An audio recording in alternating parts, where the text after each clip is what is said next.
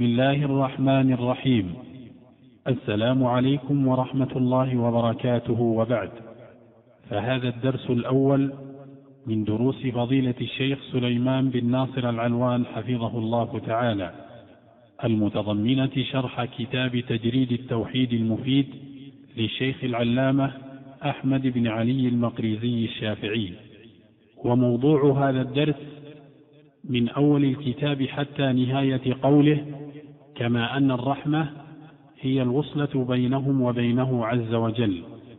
وكان إلقاء هذا الدرس في اليوم الثالث عشر من شهر رجب من عام 1421 بسم الله الرحمن الرحيم. الحمد لله رب العالمين والصلاة والسلام على نبينا محمد وعلى آله وصحبه أجمعين. قال العلامة المقريزي رحمه الله تعالى بسم الله الرحمن الرحيم. الحمد لله رب العالمين والعاقبة للمتقين. وصلى الله على نبينا محمد خاتم النبيين وعلى آله وصحبه أجمعين. وبعد فهذا كتاب جم الفوائد بديع الفرائد ينتفع به من أراد الله والدار الآخرة. سميته كتاب تجريد التوحيد المفيد. سميته كتاب تجريد التوحيد لكن هنا درست على الحكاية. نعم. والله أسأل العون على العمل به بمنه. اعلم أن الله سبحانه هو رب كل شيء ومالكه وإلهه. فالرب مصدر رب يرب ربا فهو رب فمعنى قوله تعالى رب العالمين رب العالمين فإن الرب سبحانه وتعالى هو الخالق الموجد لعباده. القائم بتربيتهم وإصلاحهم المتكفل بصلاحهم من خلق ورزق وعافية وإصلاح دين ودنيا. والإلهية كون العباد يتخذونه سبحانه محبوبا مألوها ويفردونه بالحب والخوف والرجاء والإخبات والتوبة والنذر والطاعة والطلب والتوكل ونحو هذه الأشياء. فإن التوحيد حقيقته أن ترى الأمور كلها من الله تعالى. رؤية تقطع الالتفات عن الأسباب والوسائط فلا ترى الخير والشر إلا منه تعالى. وهذا المقام يثمر التوكل وترك شكاية الخلق وترك لومهم والرضا عن الله تعالى والتسليم لحكمه. وإذا عرفت ذلك فاعلم أن الربوبية منه تعالى لعباده والتأله من عباده له سبحانه كما أن الرحمة هي الوصلة بينهم وبينه عز وجل. الحمد لله رب العالمين والصلاة والسلام على نبينا محمد وعلى آله وصحبه أجمعين. هذا كتاب تجريد التوحيد المفيد للعلامة أحمد بن علي بن عبد القادر المقريزي يكنى بأبي العباس وقيل بأبي محمد البعلبكي الأصل وقد ولد بمصر بعد ستين وسبعمائة بسنيات. وقد قيل بأنه ولد سنة ست وستين وسبعمائة. فمذهب على الفقه الحنفي ثم تحول عنه إلى الفقه الشافعي. وقد ذكر عنه الحافظ ابن حجر رحمه الله بأنه كان إماما بارعا. متقنا ضابطا دينا قد كان محبا لأهل السنة والجماعة وقد كان يميل إلى الحديث والعمل به حتى نسب إلى أهل الظاهر. وقد أثنى عليه غير واحد من أهل العلم ويمكن مراجعة ذلك في التراجم. فلا نطيل الحديث عنه. ففي أوائل الكتاب ترجمة كافية له. وقد توفي سنة خمس وأربعين وثمانمائة. ويعتبر كتاب تجريد التوحيد المفيد من أنفع الكتب وأفضلها في توحيد الإلهية. وقد قال غير واحد بأنه أول كتاب أفرد بتوحيد الإلهية. الكتب المؤلفة في توحيد الأسماء والصفات كثيرة جدا بينما الكتب المؤلفة المفردة في توحيد الإلهية كثرت في تصانيف المتأخرين بينما لا تراها في تصانيف المتقدمين إلا قليلة وأقصد الإفراد وإلا فلا يخلو كتاب من كتب أئمة السلف من تقرير لتوحيد الإلهية فإن توحيد الإلهية هو الأصل الذي أرسلت به الرسل وأنزلت من أجله الكتب ومن أجله جردت سيوف الجهاد وفيه افترق الناس إلى شقي وسعيد. وما أرسل الله رسوله ولا بعث نبيا إلا لتقرير هذا التوحيد. أن اعبدوا الله ما لكم من إله غيره. وقال تعالى ولقد بعثنا في كل أمة رسولا أن اعبدوا الله واجتنبوا الطاغوت. والعبادة اسم جامع لكل ما يحبه الله ويرضاه من الأقوال والأفعال الظاهرة والباطنة. قولوا واجتنبوا الطاغوت أي ابتعدوا واتركوا واكفروا بالطاغوت. والطاغوت مشتق من الطغيان وهو مجاوزة الحد. والطواغيت كثيرون وصفة الكفر بالطاغوت كما قال شيخ الإسلام محمد بن عبد الوهاب رحمه الله أن تعتقد بطلان عبادة غير الله وأن تتركها وأن تبغضها وأن تكفر أهلها وأن تعاديهم. فلا يستقيم إسلام عبد حتى يكفر بالطاغوت كما في صحيح الإمام مسلم. بل كما هو صريح القرآن وكما في صحيح الإمام مسلم. من طريق الفزاري عن أبي مالك الأشجعي عن أبيه أن النبي صلى الله عليه وسلم قال من قال لا إله إلا الله وكفر بما يعبد من دون الله حرم ماله ودمه وحسابه على الله عز وجل. قال شيخ الإسلام محمد بن عبد الوهاب رحمه الله في مسائل كتاب التوحيد وهذا من أعظم ما يبين معنى لا إله إلا الله فإنه لم يجعل التلفظ بها عاصما للدم والمال بل ولا معرفة معناها مع لفظها. بل ولا الإقرار بذلك بل ولا كونه لا يدعو إلا الله وحده لا شريك له بل لا يحرم دمه ولا ماله حتى يضيف إلى ذلك الكفر بما يعبد من دون الله.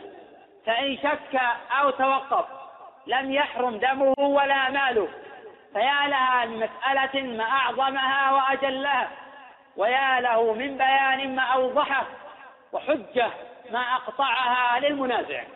والمؤلف رحمه الله تعالى استقى معظم معلومات هذا الكتاب من كتب الإمامين العالمين شيخ الإسلام ابن تيمية وتلميذه العلامة ابن القيم. وقد أبدع المؤلف رحمه الله في ترتيب هذا الكتاب وتنسيقه وتأليفه. وقد لقي الكتاب قبولا في أوساط العلماء منذ أن كتب إلى عصرنا هذا.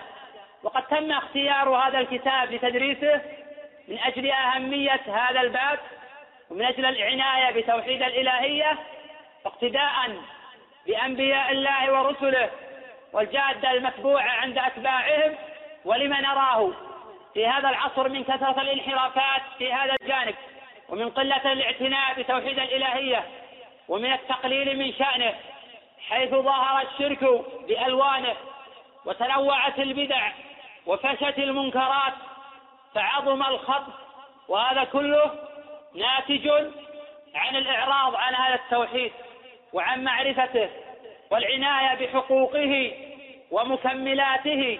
وقد كان النبي صلى الله عليه وسلم يشيد بهذا الأمر في مبدأ دعوته ولا غرابة في ذلك ولكن وفي نهاية وفي آخر حياته تنبيها وإعلاما على أهمية هذا الأمر وأن الإنسان مهما بلغ من العلم فإنه بحاجة إلى توحيد الإلهية.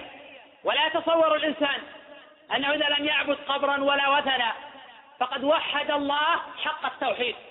كما يتصوره أغبياء العالم من يقول نحن بخير ما دامت القبور غير معبودة في بلادنا. فيما هو شر من كفر القبور من تأليه غير الله.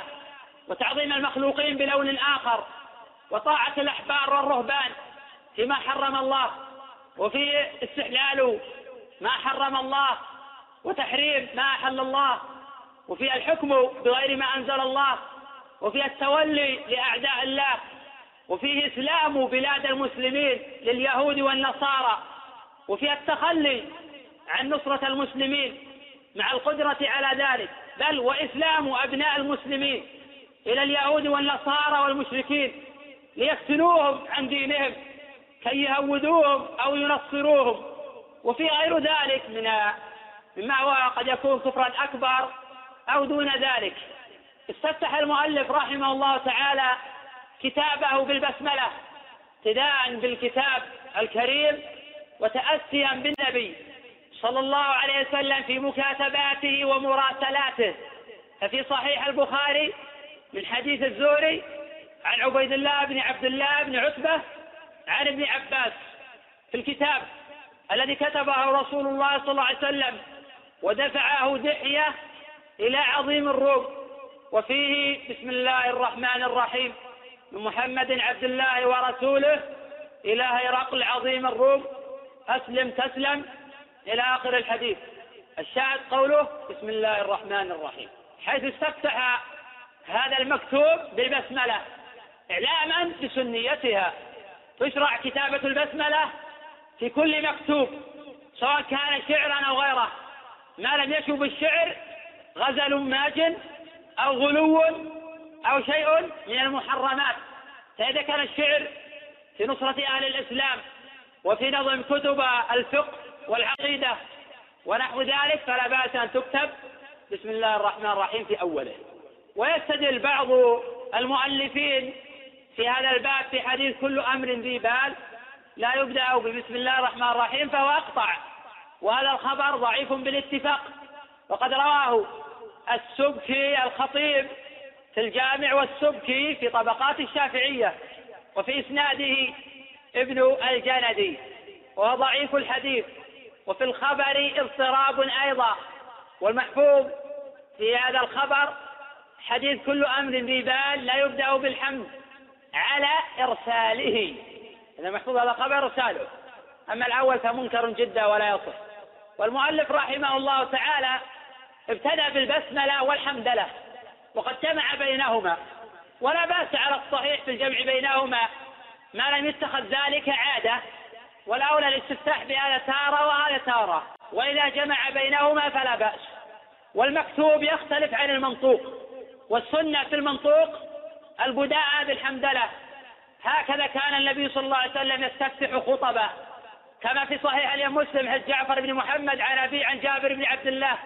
وفي حديث عاصم بن كليب عن أبي عن أبي هريرة أن النبي صلى الله عليه وسلم قال كل خطبة ليس فيها تجاوز فهي كاليد الجزماء رواه أبو عيسى الترمذي وأبو داود. وفي صحته اختلاف. ولو اقتصر في المكتوب على البسملة لكان مصيبة لأن النبي صلى الله عليه وسلم تارة كان يقتصر عليها. وإذا ثنى بالحمد لله ففي حديث أبي إسحاق السبيعي عن أبي الأحوص عن ابن مسعود قال كان رسول الله صلى الله عليه وسلم يعلمنا خطبة الحاجة كما يعلمنا السورة من القرآن. إن الحمد لله نحمده ونستعين ونستغفره ونعوذ بالله من شرور أنفسنا ومن سيئات أعمالنا. من يهدي الله فلا مضل له ومن يضلل فلا هادي له. وأشهد أن لا إله إلا الله وفي رواية لا شريك وأشهد محمدا عبده ورسوله. رواه أهل السنن وغيرهم وإسناده صحيح. قوله وبعد وفي بعض النسخ أما بعد أي مهما يكن من شيء بعد ويجب الاتيان بالفاء بعد أما بعد على رأي أكثر النحويين. وأجاز جماعة البداء بدون الفاء. والاتيان بالفاء أحسن. وبعد فهذا كتاب جم الفوائد. وقد وافق الوصف الموصوف. فمن تأمل في الكتاب وقرأه ودرسه علم كثرة فوائده وغزارة علمه. ولا سيما أن يتحدث عن التوحيد الذي أرسلت به الرسل بديع الفرائض وإبداعه يتمثل بكثرة المعلومات وبتنوعها وبحسن العرض والأداء وبالبداءة بما يحتاجه المسلم ولا يستغني عنه طرفة عين كما أنه قسم رحمه الله التوحيد إلى أعمال جوارح وأعمال قلوب والمسلم بحاجة إلى الأمرين فإذا اعتقد بقلبه ولم يعمل بجوارحه لم يحكم بإسلامه وإذا عمل بجوارحه ولم يعتقد بقلبه فهو منافق خالص. قوله ينتفع به أي ينتفع بالكتاب من أراد الله والدار الآخرة. الله نصب والدار الآخرة عطف على لفظ الجلالة. فلا ينتفع بالكتاب إلا من قصد بعمله وجه الله وأراد بقراءته وقراءة أمثاله الدار الآخرة. لا يريد بذلك لا عرضا من عروض الدنيا ولا متاعا زائلة. يقصد بذلك أن يخرج نفسه من ظلمات الجهل إلى النور وأن يعرف التوحيد الذي أرسلت به الرسل. فإن الرسل ما أرسلوا بتوحيد الربوبية. فإن المشركين كانوا مقرين به. على وجه اتئام من أبناء هذا العصر يكفرون بتوحيد الربوبية. كما أنه وجد في المشركين الذين على عهد رسول الله صلى الله عليه وسلم من يكفر ببعض نوعيات توحيد الربوبية. كالذين قالوا مطرنا بنوع كذا وكذا. هذا كفر بتوحيد الربوبية. كما أن هناك طوائف من المشركين وغيرهم يكفرون بتوحيد الأسماء والصفات. فحينئذ لابد أن نقرر كل أنواع التوحيد وتكون العناية بتوحيد الإلهية لأنه يستلزم الإيمان بتوحيد الربوبية وتوحيد الأسماء والصفات. إذا يعقل رب معبود لا يتصف بصفات الكمال من السمع والبصر والإرادة والعلم والقدرة والحياة والرحمة والغضب والفرح ونحو ذلك من صفات الله جل وعلا التي يجب إثباتها إثباتا بلا تمثيل وتنزيها بلا تعطيل. لأن الله جل وعلا ليس كمثله شيء لا في ذاته ولا في صفاته ولا في أفعاله. وهو السميع البصير. وهذه الآية رد على المعطلة والممثلة. فقوله جل وعلا ليس كمثله شيء رد على الممثلة. وهو السميع البصير رد على المعطلة. وقد شرح شيخ الإسلام ابن تيمية رحمه الله تعالى هذه الآية بمجلد ذكر ذلك غير واحد ممن ترجم لأبي العباس رحمه الله. والموجود في كلامه من المطبوع شيء كثير في تفسير هذه الآية وفي توضيح معناها وفي كثرة ما فيها من الفوائد وبديع الفرائد قال المؤلف رحمه الله تعالى سميته أي سميت هذا الكتاب كتاب على النص ويجوز على الحكاية. كتاب تجريد التوحيد المفيد. التوحيد لمن يجرد؟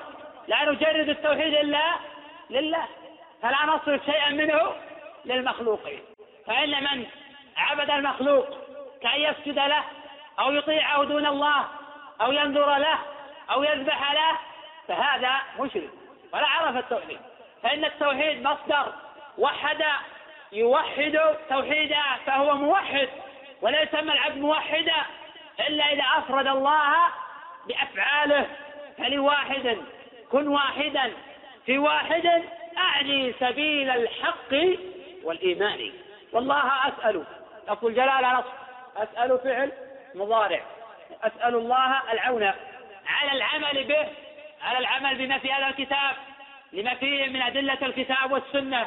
على ملاحظات يسيرة ذكرها المؤلف سوف يأتي إن شاء الله التنبيه عليها. لكن في الجملة هذا الكتاب نافع ومفيد ومن أنفع الكتب في هذا الجانب. اعلم. من العلم والاعتقاد الجازم بعد تصور الشيء على حقيقته أن الله سبحانه هو رب كل شيء ومالكه وإلهه هو رب كل شيء. هذا من توحيد الربوبية. فلا بد من الاعتقاد بأن الله رب كل شيء. ومن اعتقد أن مع الله إلها آخر فهذا مشرك قوله ومالكه لله ملك السماوات والأرض. ألا له الخلق والأمر وإلهه والإله هو الذي تألهه القلوب محبة وتعظيما وإجلالا. يقال أله يأله بالفتح فيهما إلهة إذا عبد يعبد عبادة. وفي معنى قول الله جل وعلا الحمد لله رب العالمين. قيل رب العالمين الرب هنا بمعنى المالك. كما يقال فلان رب الدابة. ماذا يعني هذا؟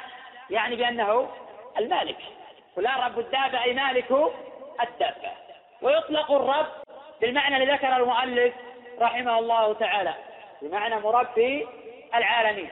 فالرب مصدر رب يرب ربا والرب إذا عرف بالألف واللام وأطلق فلا يطلق إلا على الله جل وعلا. فلا يجوز أن تقول الرب زيد إنما يطلق الرب مضافا يقال رب الدابة رب الدار رب المتاع. حيث يقيد. يتضح المقصود من الإطلاق. فلا يكون في الإطلاق لبس. حماية لمقام التوحيد. قوله يرب بضم الراء. يرب. رب. فهو راب فمعنى قوله تعالى رب العالمين. قيل الرب بمعنى المالك كما سبق. وقيل الرب بمعنى الإله. وقيل الرب هو الخالق الموجد لعباده. القائم بتربيتهم وإصلاحهم.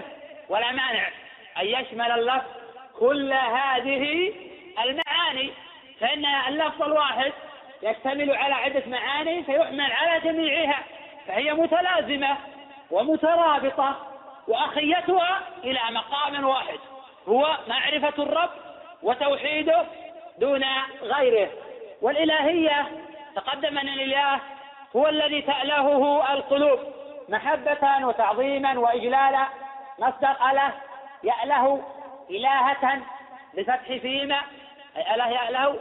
إذا عبد يعبد عبادة. فلا بد أن تعبد الله. فهذا توحيد الإلهية. وتوحيد الإلهية هو إفراد الله بأفعال العباد. فإن قال قائل من أين أخذنا توحيد الإلهية وتوحيد الربوبية وتوحيد الأسماء والصفات؟ كما قال ذلك بعض متأخري المعتزلة والأشاعرة. فالجواب هذا كله مأخوذ من القرآن.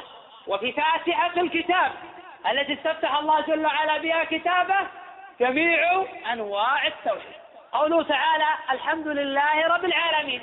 إذا قلنا الرب بمعنى المربي أو المالك فهذا توحيد الربوبية. وإذا قلنا الرب بمعنى المعبود فهذا توحيد الإلهية. الرحمن الرحيم هذا توحيد الأسماء والصفات. قال تعالى ولله الأسماء الحسنى فادعوه بها. وذروا الذين يلحدون في أسماء. آيتان من آيات الله اشتملتا على جميع أنواع التوحيد.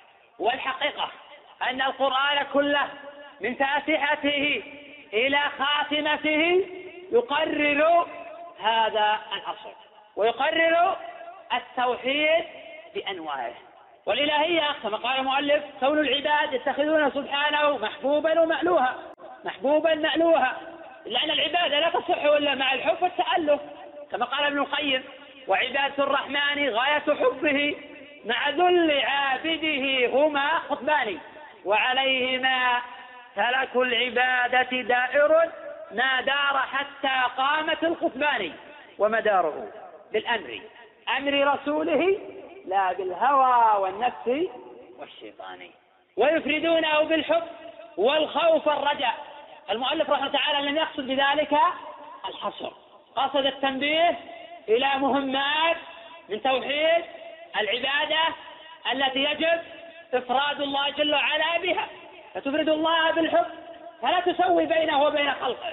وغير الله يحب تبعا لمحبة الله.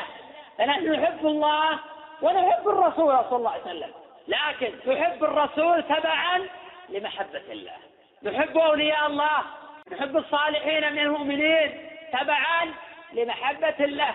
فإن الحب في الله والبغض في الله من أوثق عرى ملة إبراهيم. ومن أحب في الله وأبغض في الله وأعطى في الله ومنع لله فقد استكمل الإيمان. كما في حديث يحيى بن حاتم الزماري عن القاسم بن عبد الرحمن عن أبي أمامة في سنن أبي داود. والقاسم بن عبد الرحمن فيه كلام لأهل العلم رحمهم الله تعالى. بالحب والخوف أي لا تخاف إلا الله ولا ترجو إلا الله. قد يخاف الإنسان من المخلوق كأن يخاف يبطش به أو يخاف من السبع وهذا لا يناقض التوحيد ولا يخل بالتوحيد. إلا إذا خاف المخلوق بقلبه. ووجل منه أعظم من وجله من ربه. وهذا مراتب. من ذلك ما يناقض التوحيد ومن ذلك ما يناقض كمال التوحيد الواجب. من ذلك ما يناقض كمال التوحيد آه، المستحب. والرجاء فمن كان يرجو لقاء ربه فليعمل عملا صالحا. ومن كان يرجو لقاء ربه فليعمل عملا صالحا. والإخبات. الإخبات هو الخشوع. يجب الخشوع لله وإفراد الله جل وعلا بذلك قد أفلح المؤمنون الذين هم في صلاتهم خاشعون. والخشوع قيل يكون بالجوارح ويكون بالقلب. بخلاف الخشية فإنها من أعمال القلوب. وسيأتي إن شاء الله ذكر ذلك كله مفصلا بأدلته وما يتعلق بذلك. والتوبة فلا تتوب للمخلوق كما تفعل الصوفية حين يتوب المريد بين يدي شيخه يحلق رأسه بين يدي شيخه توبة له. فإن قال قائل جاء في البخاري أن عائشة رضي الله عنها قالت أتوب لله ورسوله صلى الله عليه وسلم. فالتوبة هنا بمعنى الرجوع. التوبة هنا بمعنى الرجوع. أي أرجع إلى أمر الله وأرجع إلى أمر رسوله صلى الله عليه وسلم. والنذر. النذر هو إلزام المكلف نفسه بعبادة لم يوجبها عليه الشارع. وفي صحيح البخاري من حديث القاسم عن عائشة أن النبي صلى الله عليه وسلم قال من نذر أن يطيع الله فليطعه. ومن نذر أن يعصي الله فلا يعصه. فإذا نظر نظر طاعة وجب عليه الوفاء بذلك. وإذا نظر نظر نظر معصية فلا يجب الوفاء بذلك إجماعا. بل لا يجوز الوفاء بذلك اتفاقا. وهل يكفر عن يمينه قولان لأهل العلم أصحهما الكفارة كما في حديث عقبة في صحيح الإمام مسلم أن النبي صلى الله عليه وسلم قال كفارة النذر كفارة يمين فمن نذر للأولياء ونذر للأموات كأن يقول للبدوي أو لعلي أو للحسن أو للحسين أو لفلان علي نذر فينذر له من له ولأجله فهذا مشرك شركا أكبر لأن النذر عبادة وصرف العبادة للمخلوق. شرك. قال تعالى يوفون بالنذر. إن الله على يمين وفاء بالنذر. وليوفوا نذوره. ومن نذر يطيع الله فليطعه. وهذا العبد الذي لا يعرف ربه ولا يعرف التوحيد ولا يعرف ما رسلت به الرسل ينظر للأموات والغائبين ويقول للبدوي علي نذر. ما يقول لله علي نذر؟ يقول للبدوي علي نذر. للحسن علي نذر. لعلي علي نذر. هذا شرك أكبر. ولو قال للنبي علي نذر لكان مشركا شركا أكبر. فلا فرق. فلا يتصور الإنسان إذا نذر للأولياء أو للصالحين أو للأنبياء والمقربين صار مباحا. وإذا نذر للأشرار والمجرمين صار محرما. فلا فرق بين أن تنذر أو تعبد الأنبياء والمرسلين أو أن تعبد الأشرار والمشركين. ومن يدعو مع الله أن آخر لا برهان له به فإنما حسابه عند ربه. إنه لا يفلح الكافرون. سماهم الله جل وعلا كافرين. قالوا والطاعة والطلب والتوكل ونحو هذه الأشياء. أي كلها يجب صرفها لله ويجب إفراد الله جل وعلا بها. وقد قال الله جل وعلا عن بعض الأنبياء ورسله إنهم كانوا يسارعون في الخيرات ويدعوننا رغبا ورهبا وكانوا لنا خاشعين. ولا تدعو من دون الله ما لا ينفعك ولا يضرك. فاستقم كما أمرت. لهذا أمرنا الله جل وعلا. فإن التوحيد حقيقته أن ترى الأمور كلها من الله تعالى رؤية تقطع الالتفات عن الأسباب والوسائط فلا ترى الخير والشر إلا منه تعالى.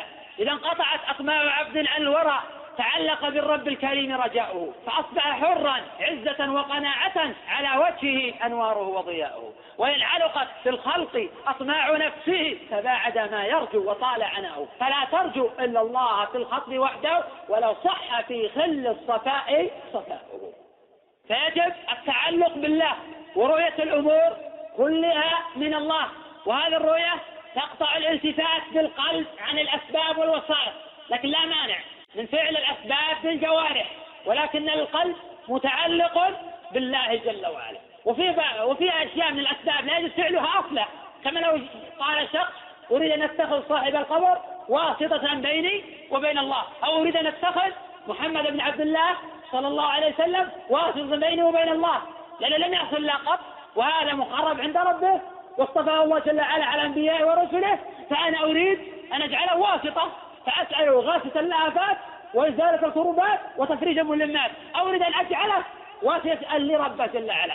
فقل يا رسول الله اشفع لي عند ربك؟ أنا لا أسأله مباشرة ولكن أقول يا رسول الله اشفع لي عند ربك؟ فإذا قال يا رسول الله اشفع لي أو يا رسول الله اغفر لي. أو يا رسول الله ارحمني. أو يا رسول الله أريد كسر الكروب وإزالة الخطوط فهذا مشرك شركا أكبر في الإجماع. وإذا قال أنا لا أسأل الرسول صلى الله عليه وسلم ولكن أريد أن يقربني إلى الرب وأن يشفع لي عند الرب فلا أقول يا رسول الله اشفع لي ولكن أقول يا رسول الله اشفع لي عند ربك ويا رسول الله سل الله لي المغفرة سل الله لي الشفاء. فبعض أهل العلم قال هذا ليس بشرك أكبر بل هو من البدع العظيمة ولكن لا يصل إلى حد الشرك الأكبر لأنه لم يسأل الميت ولكن اعتقد أن هذا الميت آه، حي في قبره فأراد منه أن يسأل الله ولم يسأله. وهذا رأي لشيخ الإسلام ابن تيمية رحمه الله تعالى.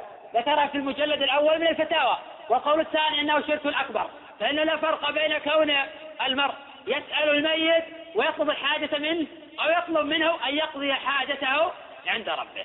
قال تعالى إن تدعوه لا يسمعوا دعاءكم. ولو سمعوا ما استجابوا لكم. ويوم القيامة يكفرون بشرككم. ولا تدعوا من دون الله ما لا ينفعك ولا يضرك. هل ينفع؟ لا يستطيع أن ينفع هل يضر؟ لا يستطيع أن يلك ضره. فإن فعلت فإنك إذا من الظالمين أي المشركين. وظاهر هذه الآية. وما قبلها تفيد أن سؤال الأموات شرك أكبر. أن سؤال الأموات شرك أكبر. ولو قال أنا ما أطلب منه ولكن أطلب منه أن يشفع لي عند ربه. أو يسأل الله لي قضاء الحاجات وتفريج الملمات.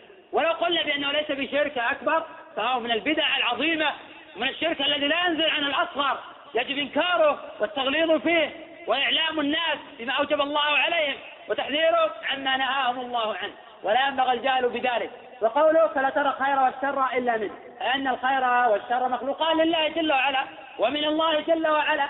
الشر لا يأتي في كلام الله. ولا في كلام رسول الله صلى الله عليه وسلم أي إضافة الشر وحده إلى الله. لا يأتي إضافة الشر وحده إلى الله في كلام الله ولا في كلام رسوله صلى الله عليه وسلم. بل لا يرد ذكر الشر إلا على أحد ثلاثة وجوه كما فعل ذلك شيخ الإسلام وغيره من أكابر المحققين. نقول أولا دخوله في عموم المخلوقات كما قال تعالى الله خالق كل شيء. ثانيا إضافته إلى السبب كقول تعالى من شر ما خلق. الثالث أن يحذف فاعله.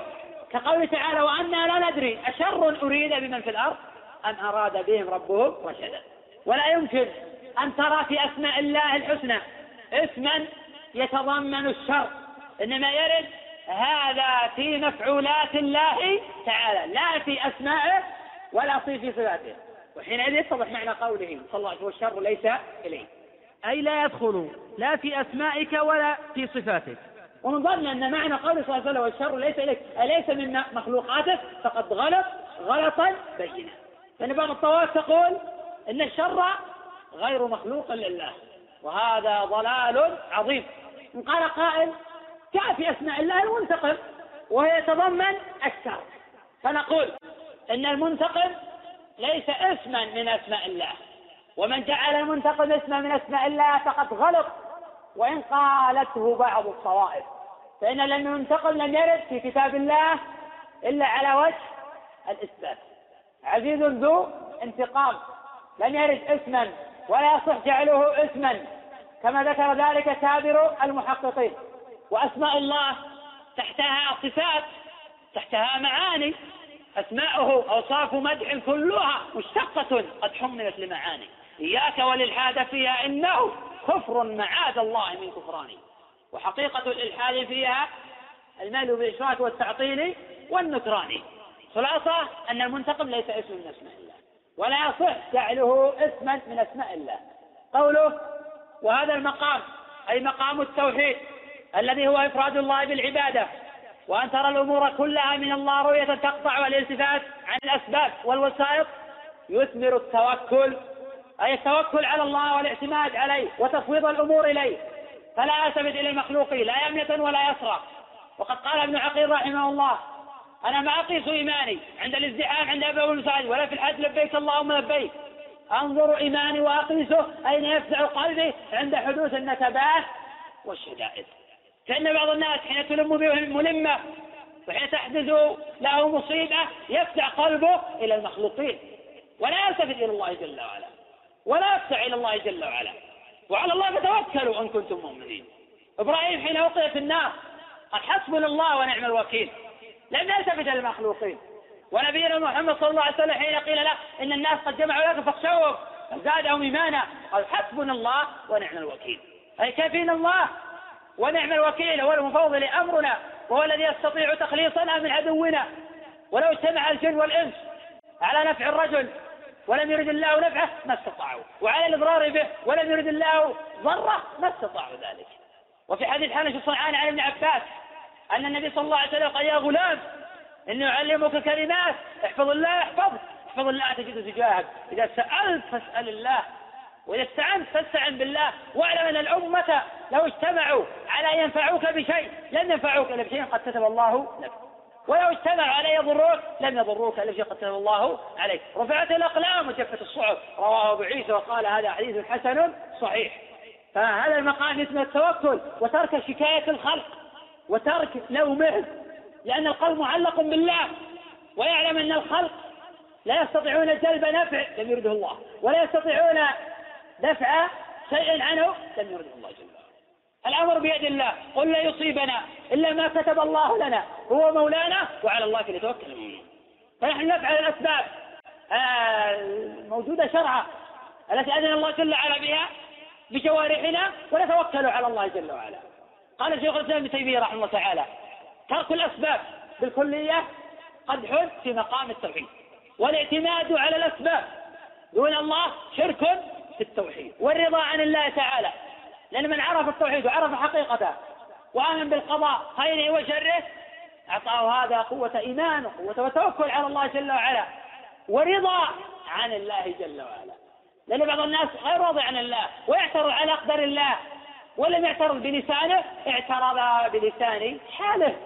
لسان ما قال اعترض بلسان حاله. فهو دائما يتشقق لماذا أنا فقير؟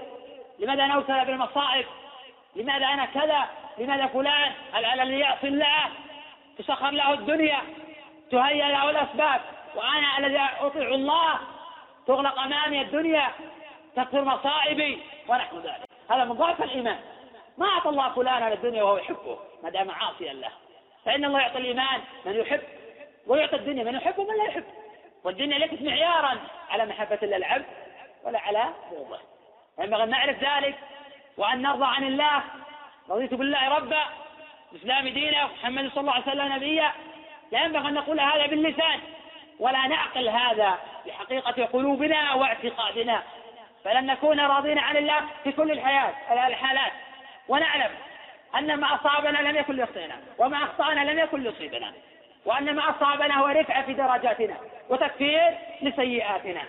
فإن أول ما خلق الله القلم قال له اكتب قال ما أكتب قال اكتب ما هو كائن إلى يوم القيامة. رواه أحمد وغيره بسند قول وإذا عرفت ذلك الرضا عن الله والتسليم لحكمه. وإذا عرفت ذلك فاعلم أن الربوبية منه تعالى لعباده والتأله من عباده له. الربوبية منه لأن الله جل وعلا خلقهم وأوجدهم وخلق السماوات والأرض. لمن الأرض ومن فيها كنتم تعلمون سيقولون لله. ولا فتذكرون قل من رب السماوات السبع؟ ورب العرش العظيم. سيقولون الله قل أفلا تتقون؟ قل من بيده ملكوت كل شيء. ويجير ولا يجار عليه سيقولون الله قل فأنا تسحرون. فلاتيناهم بالحق وإنهم لكاذبون ما اتخذ الله من ولد وما كان معه من إله. إذا لذهب كل إله بما خلق. فلعلى بعضهم على بعض. سبحان الله عما يصفون. عالم الغيب والشهادة. تعالى عما يشركون. الربوبية منه تعالى. ونحن بدورنا أن نفرد الله بالعبادة. قال تعالى وما خلقت الجن والإنس إلا ليعبدون. أي وما أوجدت الجن والإنس قدم الجن لأنهم قبل الإنس. الجن والإنس إلا ليعبدون. أي إلا ليوحدون. كما قال ابن عباس ومجاهد وجماعة. وقيل إلا لآمرهم وأنا وأعظم أمر. يأمر الله جل وعلا فهو التوحيد. ولهذا أول أمر في القرآن هو الأمر بالتوحيد. قال تعالى يا أيها الناس اعبدوا ربكم. أي وحدوا ربكم. لأهمية التوحيد صار أول أمر في القرآن الأمر بالتوحيد. وأول نهي في القرآن هو النهي عن الشرك. فلا تجعلوا لله أندادا وأنتم تعلمون. الند هو النظير والمثيل والشبيه. كما أن الرحمة يقول هي الوصلة بضم الواو بينهم وبينه عز وجل. إذا أطاعوه رحمهم وإذا خالفوا أمره انتقم وعاقبهم. نبئ عبادي أني أنا الغفور الرحيم أي لمن أطاعني. وأن عذابي هو العذاب الأليم لمن عصاني وفي صحيح البخاري من حديث فليح سليمان عن هلال بن علي عن بن يسار عن أبي هريرة قال صلى الله عليه وسلم كل أمتي يدخلون الجنة. كل أمتي مرحومون يدخلون الجنة إلا من أبى. قالوا يا رسول الله ومن يأبى؟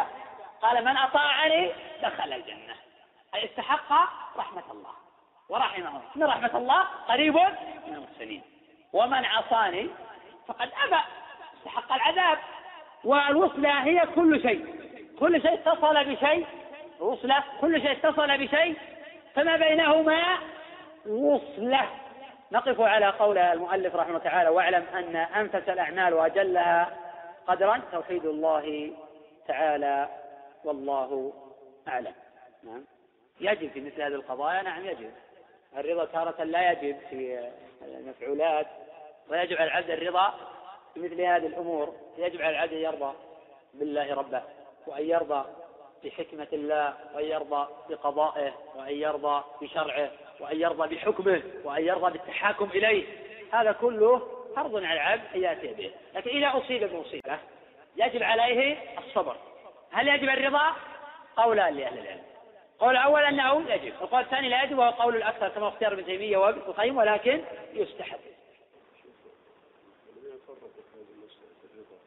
قالوا بحسب المصيبة لا شك في ذلك مثال في ذلك. لو شخص مثلا فعل مثلا بأهل الفاحشة أو هو فعل الفاحشة يعني ليس معنى يرضى بالفعل لكن يرضى بما قدر ويسعى بجوارحه والأسباب أن يغير وينكر.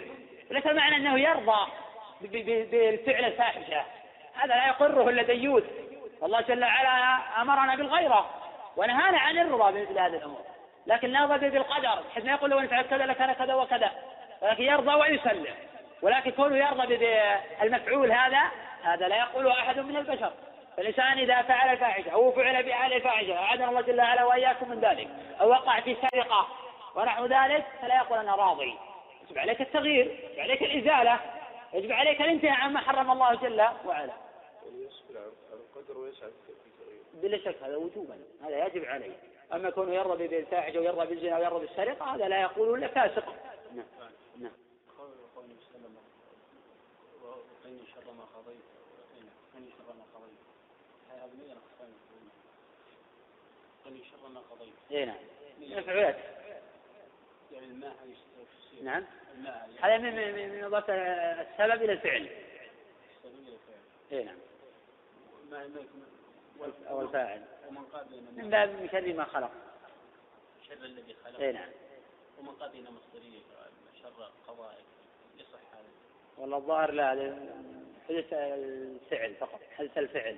لأن الشر لا يدخل لا في أسماء الله ولا في صفاته ولكن يدخل في مفعولاته. المنتقب في بعض أسماء الله وصفاته لا يجوز إطلاقه على الإفراد كما قال ابن هذا من أسمائه ما ليس يفرد بل يقال إذا أتى بقران وهي التي تدعى بمزدوجاتها إفرادها خطر على الإنسان. فالمنتقم لم يثبت به دليل. وعلى الإطلاق ليس صفة مدح. وعلى الإطلاق ليس صفة مدح. نقول إن الله ينكر في من يستحق المكر. ويستأذي في من يستحق الاستهزاء. ولا يصح وصف الله بالمكر مطلقا أو وصف الله بالاستهزاء مطلقا.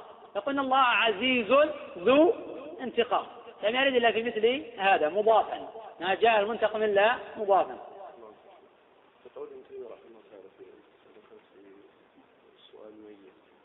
بالنبي عليه الصلاة والسلام ولا عمم القول؟ لا هو عمم القول في من يعتقد مثلا أنه يستطيع أن يكون وسيلة مثلا سؤال الله ونحو ذلك. ولكن غير النبي صلى الله عليه وسلم لا يمكن أن يوجد هذا منه. لا يمكن نعلم يقينا أن فلانا الميت لا يمكن يسأل الله. فهو يعتقد أن النبي صلى الله عليه وسلم يقدر على أن يسأل الله ويشفع له في هذه الحال فهو يسأله من هذا الباب. النبي ولا عمم؟ هو بحثه في في حق النبي صلى الله عليه وسلم. هو العلماء يعممونه الميت. إذا سأل بهذا الاعتبار سأل بهذا الاعتبار. وابن تيمية رحمه الله حين مات بالنبي صلى الله عليه وسلم وذكر غيره أيضا. ذكر غيره. نعم. هو طلب لكن قال إنه يعلم إنه ما يقدر على النفع. أن تدعوهم لا يسمعوا دعاءكم ولو سمعوا ما استجابوا لكم. ما يستجيبون لنا فيما يبذلونه أو يستطيعون إيجاده لنا. لكن قالوا لو سأل قال يا فلان اغفر لي. طبعا فلان ما يغفر.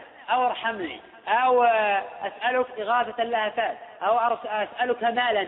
فهو يسأل ما لا يقدر عليه مطلقا. قالوا هذا ما في شبهة. هذا كفر أكبر. قالوا لو لكن لو قال يا فلان اشفع لي عند ربك أو سل الله لي. قالوا أنه ما سأله. هو طلب أن يكون بينه وبين الله واسطة ليسأله يسأله.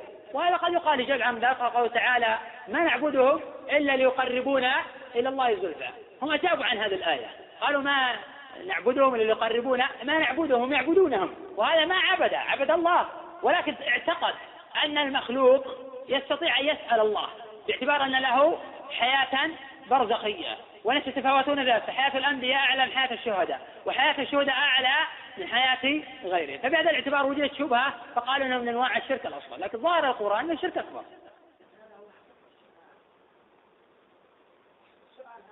ومسأل المخلوق استقلالا. أراد أن يجعله واسطة نعم.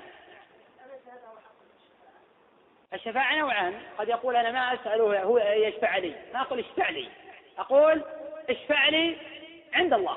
فهم يفرقون بين سؤال الشخص بذاته وبين جعله واسطة يسأل الله. هذا مأخذهم في المسألة. ولا ظاهر القرآن أنه كله شرك أكبر. هو لا يملك لا هذا ولا هذا الحقيقة. حتى النبي صلى الله عليه وسلم ما يملك. أن يسأل الله لك أن يرزقك. ما يملك. نعم.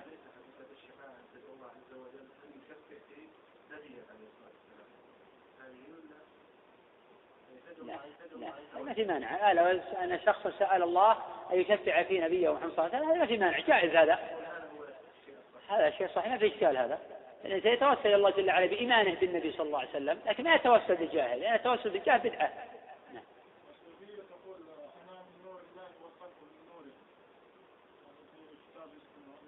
نعم هذا كثير في كلام الصوفية. هم يعتقدون أيضا أن النبي صلى الله عليه وسلم مخلوق من نور وهذا ضلال محض. فإن الملائكة خلقوا من نور. بينما خلق الإنسان من ماء وطين. هذا نص القرآن ونص السنة الصحيحة الثابتة عن الرسول صلى الله عليه وسلم في الصحيحين وغيرهما من حديث أبي هريرة. فمن اعتقد أن الإنسان خلق من نور وقد خالف كتاب الله وسنة رسوله صلى الله عليه وسلم. نعم. قلت يا أخي فيما سبق أن المنتقم ليس من أسماء الله تعالى الحسنى الثابتة.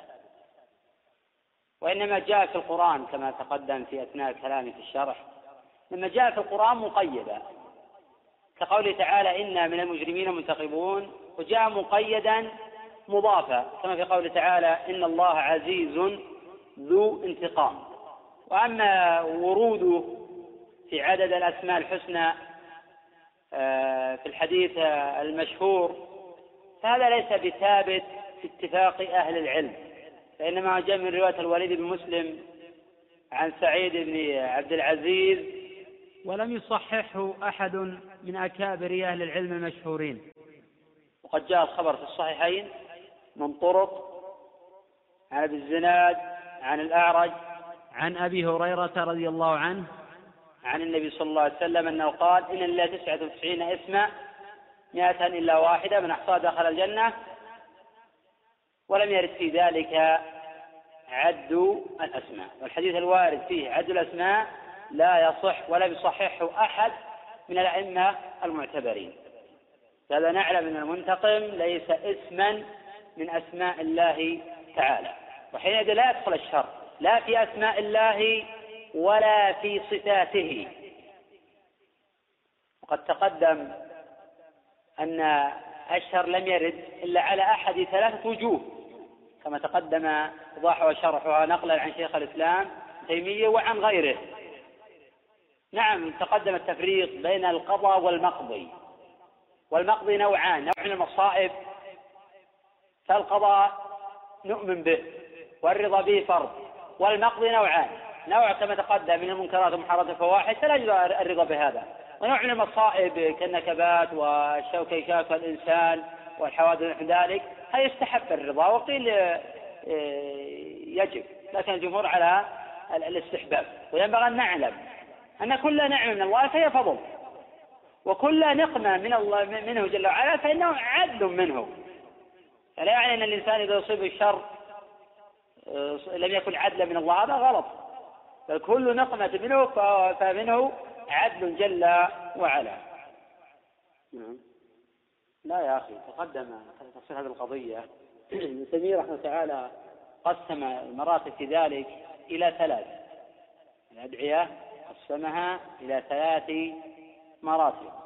نعم قال أحدها يدعو غير الله من الميت أو غائب كي يقول يا فلان أغثني أو يا فلان أنا أستجير بك أو يا رسول الله أستغيث بك أو يا رسول الله انصرني على عدوي. هذا شرك أكبر لا ينازع فيه أحد من المسلمين. وهذا الشرك هو الذي نزل القرآن ببيانه وهو المذكور عن عباد القبور وعباد الأوثان. في وقت النبوة. النوع الثاني اللي يقول عنه ابن تيمية بدعة يقال, يقال للميت ادعو الله لي. يقال للميت من الأنبياء والصالحين ادعو الله لي. أو ادعو لنا ربك أو اسأل الله لنا. هذا النوع لا يشك أحد من أهل العلم بأنه محرم. إنما الكلام هل يصل إلى حد الشرك الأكبر أم لا؟ هذا اللي قال عن المسلمين من البدع التي لم يفعلها أحد من سلف آه، الأمة. ولم يجزم رحمه تعالى بكونه شركا أكبر. ووافقوا نعم وافقوا على هذا بعض المتأخرين. وأما أئمة السلف فلا أعلم عنهم شيئا منصوصا في هذا. النوع الثالث الذي ذكره الشيخ الإسلام وغيره أن يقول أسألك بفلان أو بجاه فلان. وهذا غير معروف عن الصحابة رضي الله عنهم. وقد جزم بعض الفقهاء بالنهي عن ذلك. أما السؤال بجاه فلان فهذا بدعة. سواء قال أسألك بجاه النبي صلى الله عليه وسلم أو بجاه الولي الفلاني فهذا بدعة. وكذلك إذا قال أسألك بفلان بذاته هذا بدعة ولا يجوز. في أصح قولي العلماء. لأن النبي صلى الله عليه وسلم من أحدث في أمرنا هذا ما ليس منه فهو رد. والأصل في عبادات التوقيف ولا يجوز أن نتوسل إلى الله جل وعلا إلا بما شرعه وبما أجمع عليه الصحابة رضي الله عنهم. لما نتوسل إلى الله جل وعلا بما لم يشرعه وبما لا أصل له لا في الكتاب ولا في السنة فهذا بدعة ولا يجوز الالتفات إلى هذا. بل يجب الإعراض عن هذا كليا. قدم أن ظواهر الأدلة تؤيد أن النوع الأول والنوع الثاني يدخلان في الشرك الأكبر. وما أردت بحث هذه القضية إنما أردت الإشارة إليها. كلام الآن على تقرير التوحيد وعلى تقرير توحيد الإلهية وأهميته وعظم شأنه وأن الرسل أرسلت به ولتقريره وأن العباد لا يعيشون بدونه فهو أهم المهمات وآكد الواجبات. هذا الحديث عن هذه المسألة. يكفي هذا. بسم الله الرحمن الرحيم. السلام عليكم ورحمة الله وبركاته. وبعد فهذا الدرس الثاني من دروس فضيلة الشيخ سليمان بن ناصر العلوان حفظه الله تعالى. المتضمنة شرح كتاب تجريد التوحيد المفيد للشيخ العلامة أحمد بن علي المقريزي الشافعي. وموضوع هذا الدرس من قوله واعلم أن أنفس الأعمال وأجلها قدرا توحيد الله تعالى حتى قوله وهذا التوحيد مقام الصديقين وكان إلقاء هذا الدرس في اليوم الثامن عشر من شهر رجب من عام ألف وأربعمائة وواحد وعشرين. بسم الله الرحمن الرحيم. الحمد لله رب العالمين وصلى الله وسلم على نبينا محمد وعلى آله وصحبه أجمعين. قال العلامة المقريزي رحمه الله تعالى واعلم أن أنفس الأعمال وأجلها قدرا توحيد الله تعالى غير أن التوحيد له قشران. القشر في اللغة هو غشاء الشيء.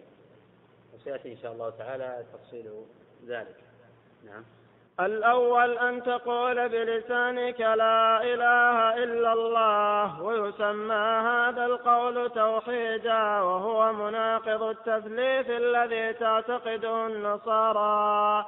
وهذا التوحيد يصدر أيضا من المنافق الذي يخالف سره جهره.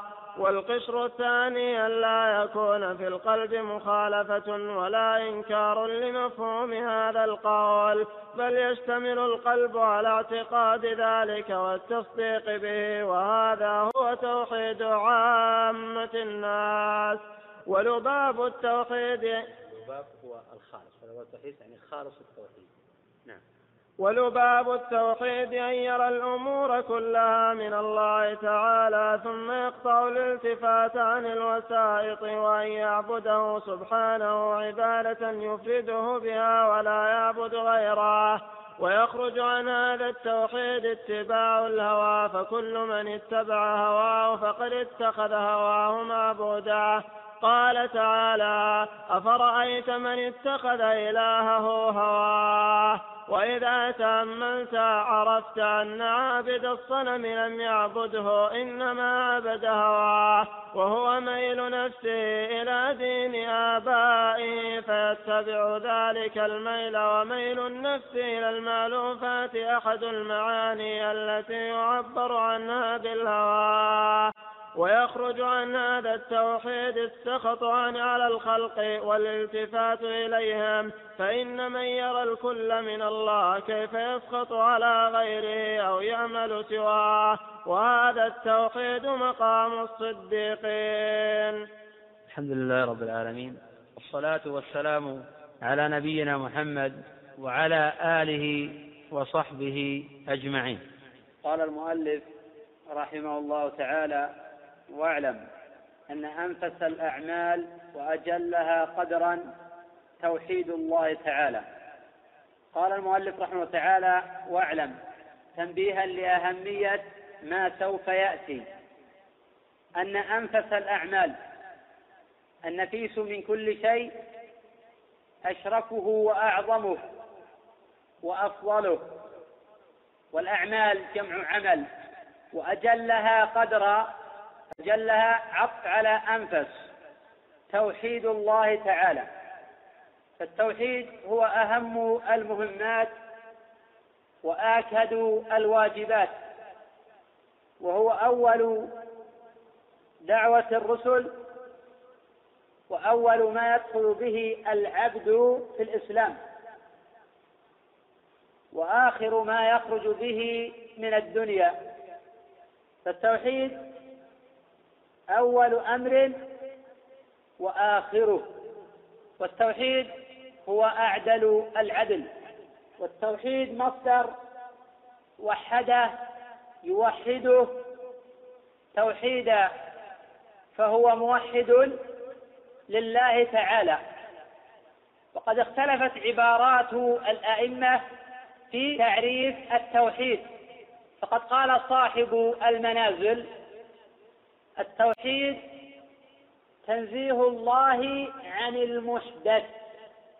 التوحيد تنزيه الله عن المحدث وهذا ليس بشيء ولا يدل هذا على التوحيد.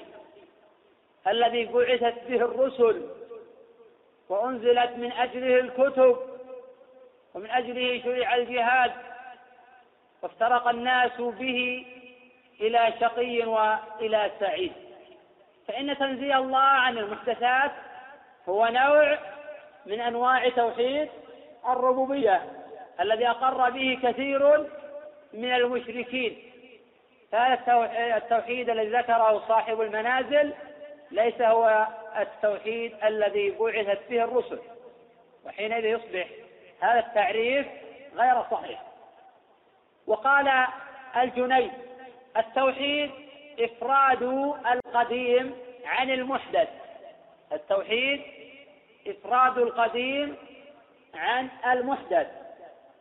وهذا تعريف يحتاج إلى زيادة شرح وتوضيح.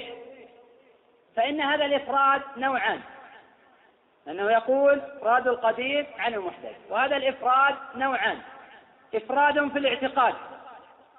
بحيث يثبت أسماء الله وصفاته ولا يشبه ولا يمثل.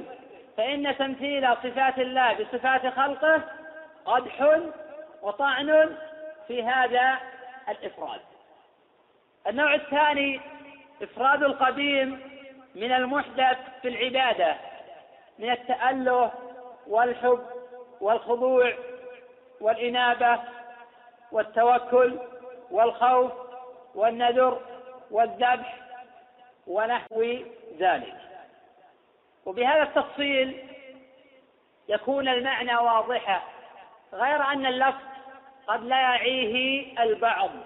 وبما أن التوحيد هو الذي أرسلت به الرسل وأنزلت من أجله الكتب ينبغي أن يكون تعريفه واضحا لكل أحد.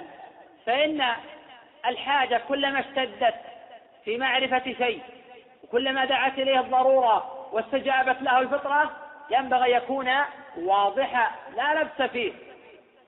التوحيد هو إفراد الله بالعبادة. قال تعالى أن اعبدوا الله أي وحدوا الله ما لكم من إله غيره. هذا التوحيد. وقال تعالى يا أيها الناس اعبدوا ربكم أي وحدوا ربكم.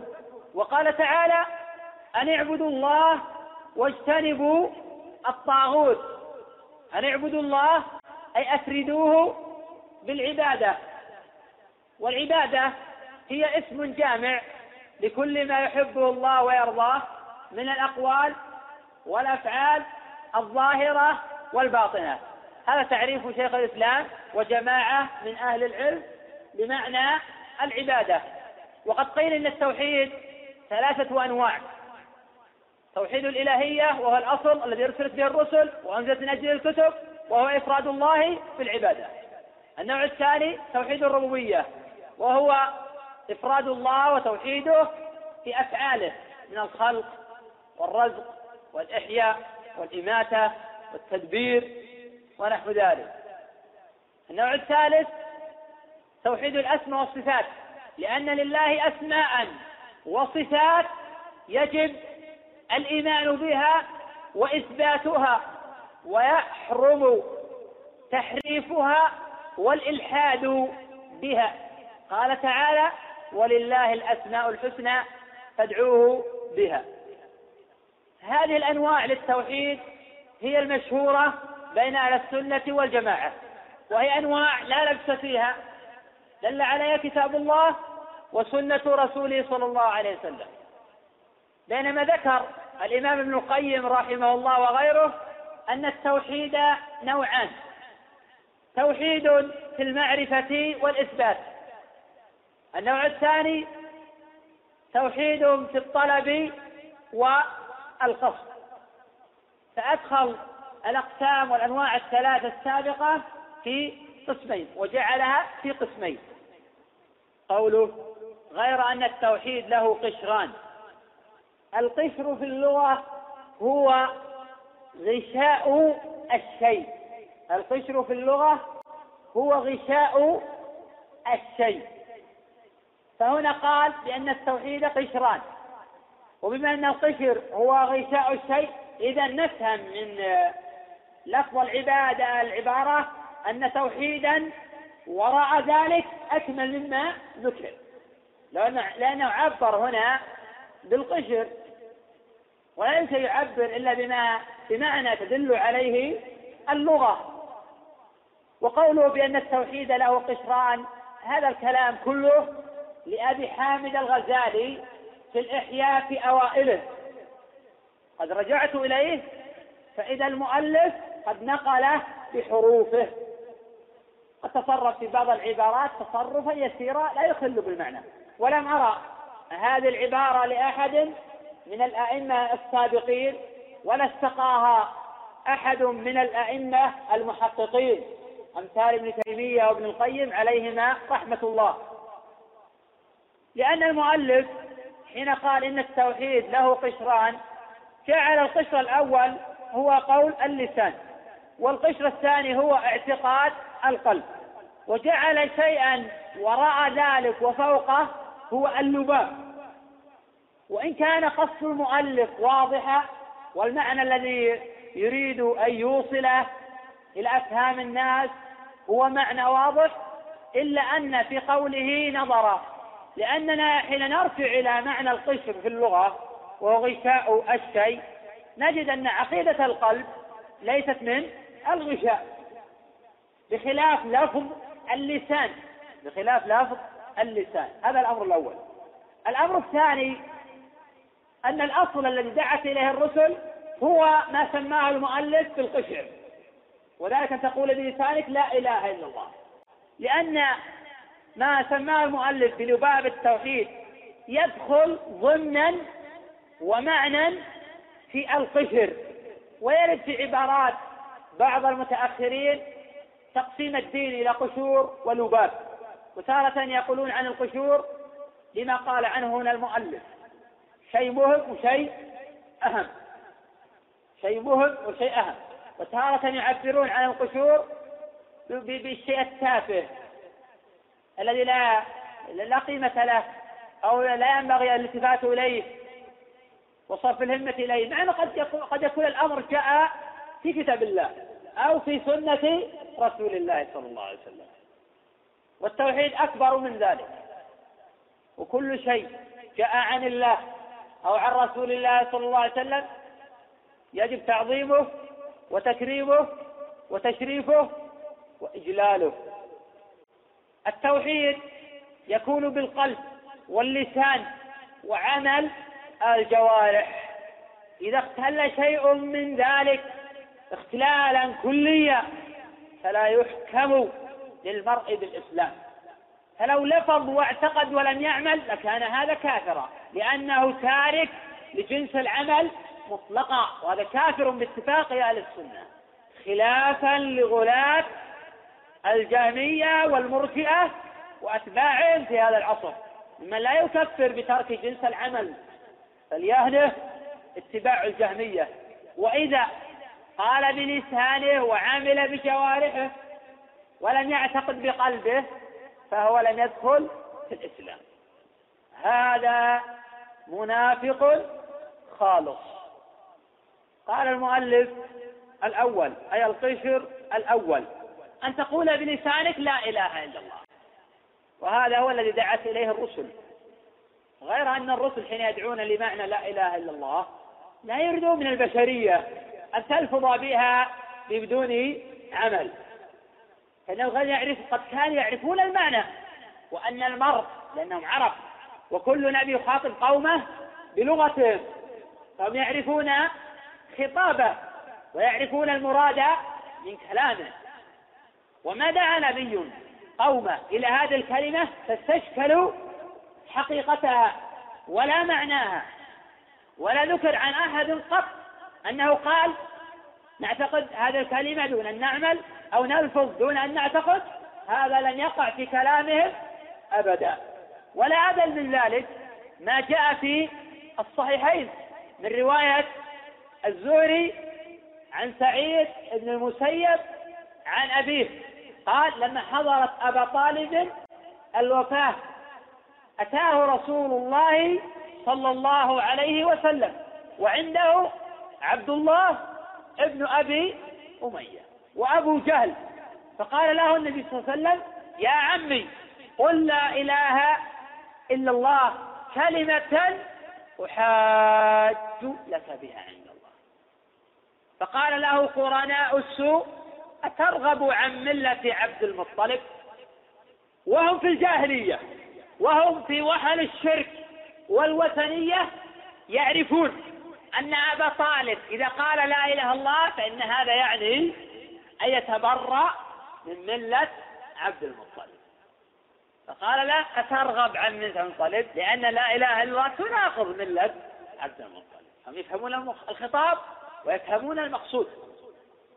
فأعاد عليه النبي صلى الله عليه وسلم. فأعاد يوضح هذا أيضا ما جاء في مسند الإمام أحمد من طريق شيبان النحوي عن أشعث ابن أبي السعسع عن رجل من بني مالك.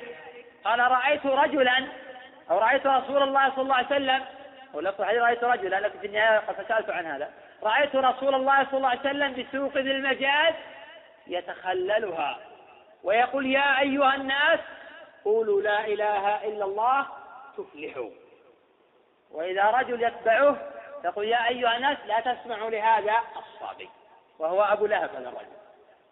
النبي صلى الله عليه وسلم كان يخاطب الأمم والشعوب بهذه الكلمة وتلقائيا يفهمون المقصود من معناها. ما قال يا محمد هذه الكلمة هل تعني ترك عبادة الأوثان؟ وهل هذه الكلمة تعني إفراد الله بالحكم؟ وهل هذه الكلمة تعني إفراد الله بالحب والخضوع والرهبة والعبادة؟ يعلمون تلقائيا أن هذه الكلمة بما وضعت له تقتضي إفراد الله بالعبادة. لا إله إله اسم جنس. دخلت عليها لا.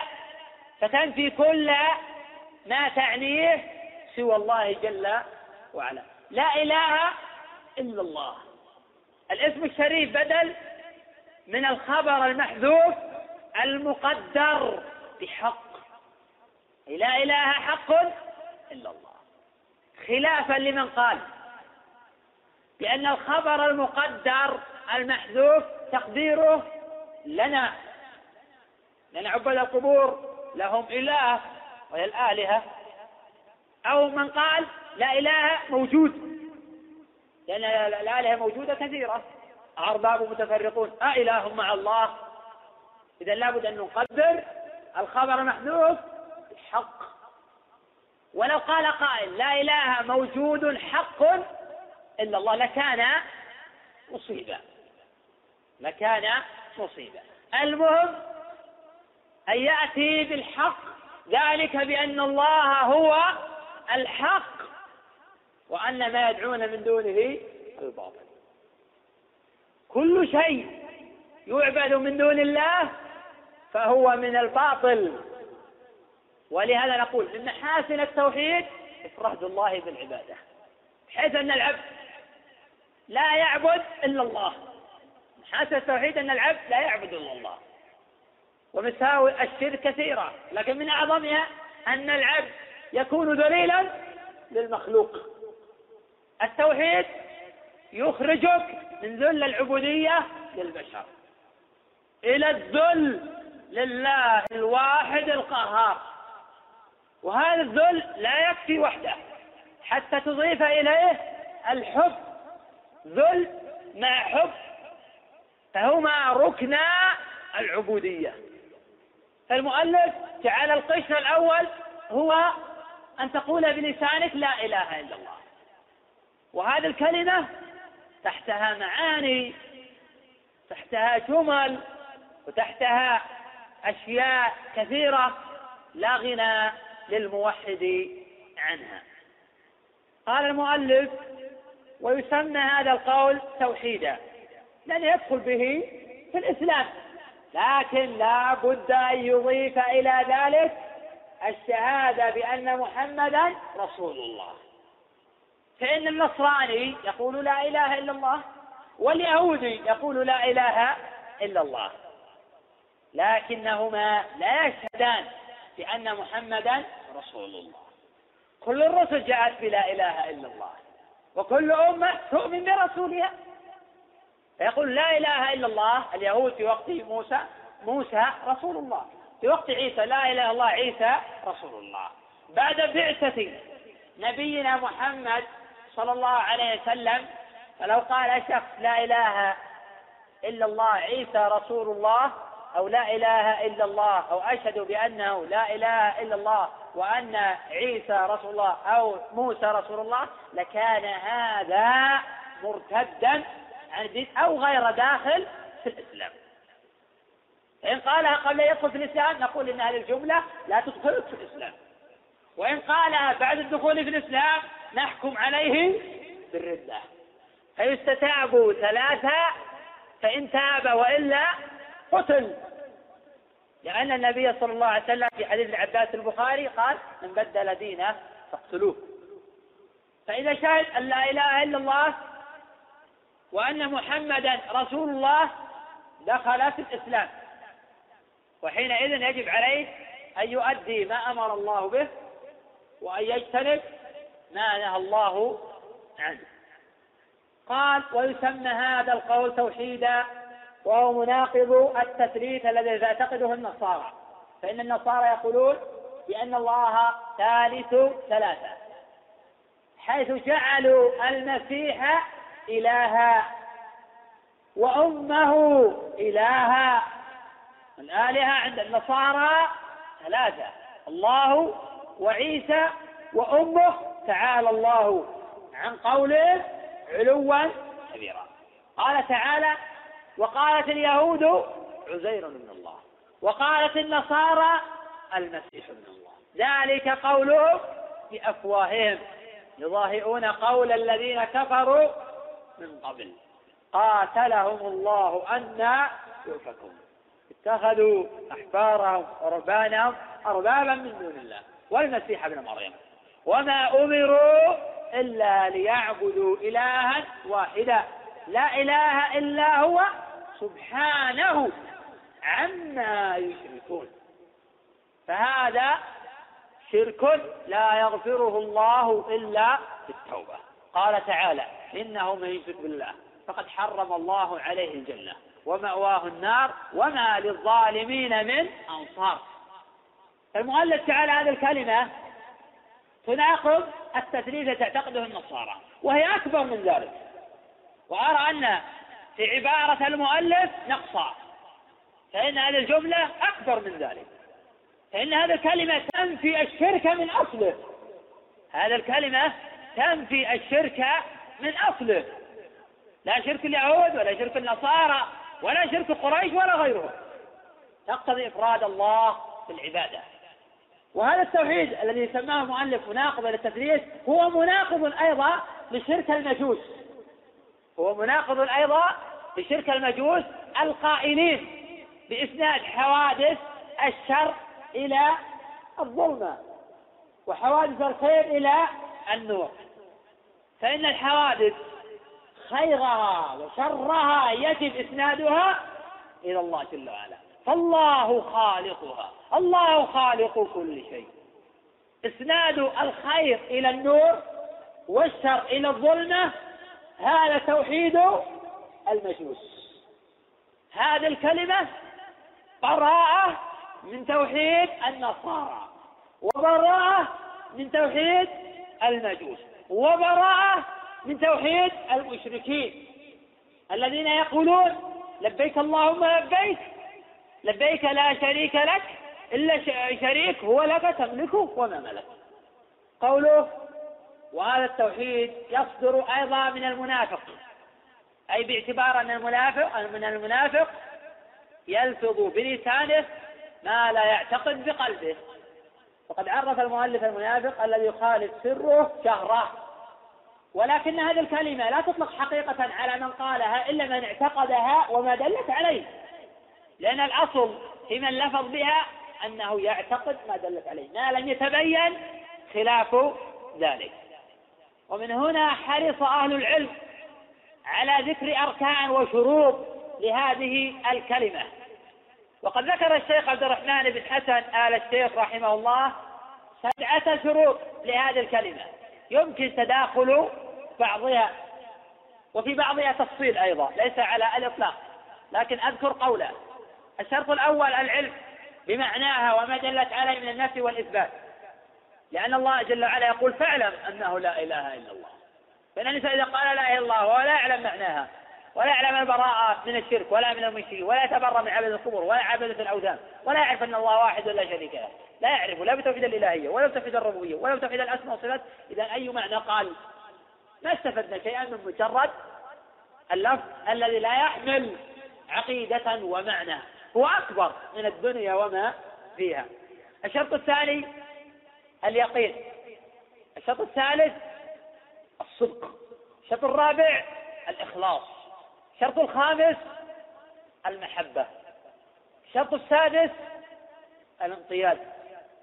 الشرط السابع القبول. وزاد بعض أهل العلم شرط ثامنة وهو الكفر بما يعبد من دون الله جل وعلا. معنى يمكن إضافة ذلك إلى القبول. فإن من قبل هذه الكلمة تبرأ من غيرها. فإذا قلت لا إله تقتضي هذه الكلمة بما وضعت في البراءة من كل معبود سوى الله. يدل على ذلك الحديث السابق أن النبي صلى الله عليه وسلم قال لعم يا عم قل لا إله إلا الله كلمة نحاج لك بها عند الله. عرف أبو جهل وهو على الكفر وابن أبي أمية أن هذه الكلمة براءة من كل معبود سوى الله جل وعلا. قوله والقشر الثاني تقدم أن القشر في اللغة هو غشاء الشيء. ولا أرى كما سبق تسمية هذا التوحيد قشرا لأنه هو الأصل الذي أرسلت به الرسل. لأن اللباب الذي ذكره المؤلف يعود في الأصل إلى ما سماه قشرا لأن اللباب في نظره أن يرى الأمور كلها من الله ثم يقطع الإثبات عن الوسائط. وهل الكلمة إلا هي دالة ومؤكدة لهذا المعنى؟ بدليل أن النبي صلى الله عليه وسلم بل كل الرسل يدعون لهذه الكلمة. هي دالة بحقيقتها إلى الالتجاء إلى الله والاعتصام به. مع أن في قوله يقطع الالتفات عن الوسائط إجمالا سوف أفسر هذا الإجمال إن شاء الله حين نمر به. قوله والقشر الثاني أن لا يكون في القلب مخالفة ولا إنكار لمفهوم هذا القول بل يشتمل القلب على اعتقاد ذلك والتصديق به. وهذا هو توحيد عامة الناس. قوله أن لا يكون في القلب مخالفة بحيث يقول لا إله إلا الله بلسانه وفي القلب التجاء إلى أصحاب القبور والأوثان والآلهة أو اعتقاد أن للكون خالقين أو أن هناك مدبرا مع الله ونحو ذلك. قوله ولا إنكار لمفهوم هذا القول حيث يقول بلسانه ويعتقد بقلبه خلاف ما دلت عليه هذه الكلمة. فهو بقلبه منكر لهذه الكلمة. ويعتقد أن مع الله آلهة أخرى. أو يعتقد عقيدة التثليث أو عقيدة المجوس. فهو يقولها إذا ليعصم دمه وماله. أو ليفسد على المسلمين دينهم. فإن المنافقين في الدرك الأسفل من النار وهم شر من المشركين واليهود والنصارى. فهؤلاء يقولون لا إله إلا الله ويتسترون باسم الإسلام. وقد يشهدون أن محمدا رسول الله. لكن في خلجات قلوبهم واعتقاداتهم. لا يعتقدون هذه الكلمة ولا ما دلت عليه. ولا يعتقدون صدق محمد صلى الله عليه وسلم ولا ما جاء به. فهؤلاء منافقون خلص. فهم دخلوا في الإسلام لمآرب وأغراض إما لإفساد دين المسلمين أو لتشكيكهم أو لكي تعصم دماءهم وأموالهم وكي يبقوا في بلادهم. هذا في وقت عز المسلمين. أما لا تقتضى الحابل بالنابل. الله المستعان. المنافق الآن يعزز ويكرم. والمؤمن يتستر بدينه. قوله فليشتمل القلب على اعتقاد ذلك. أي أن حقيقة هذا القشر. أن يشتمل القلب على اعتقاد هذه الكلمة والتصديق والمعرفة.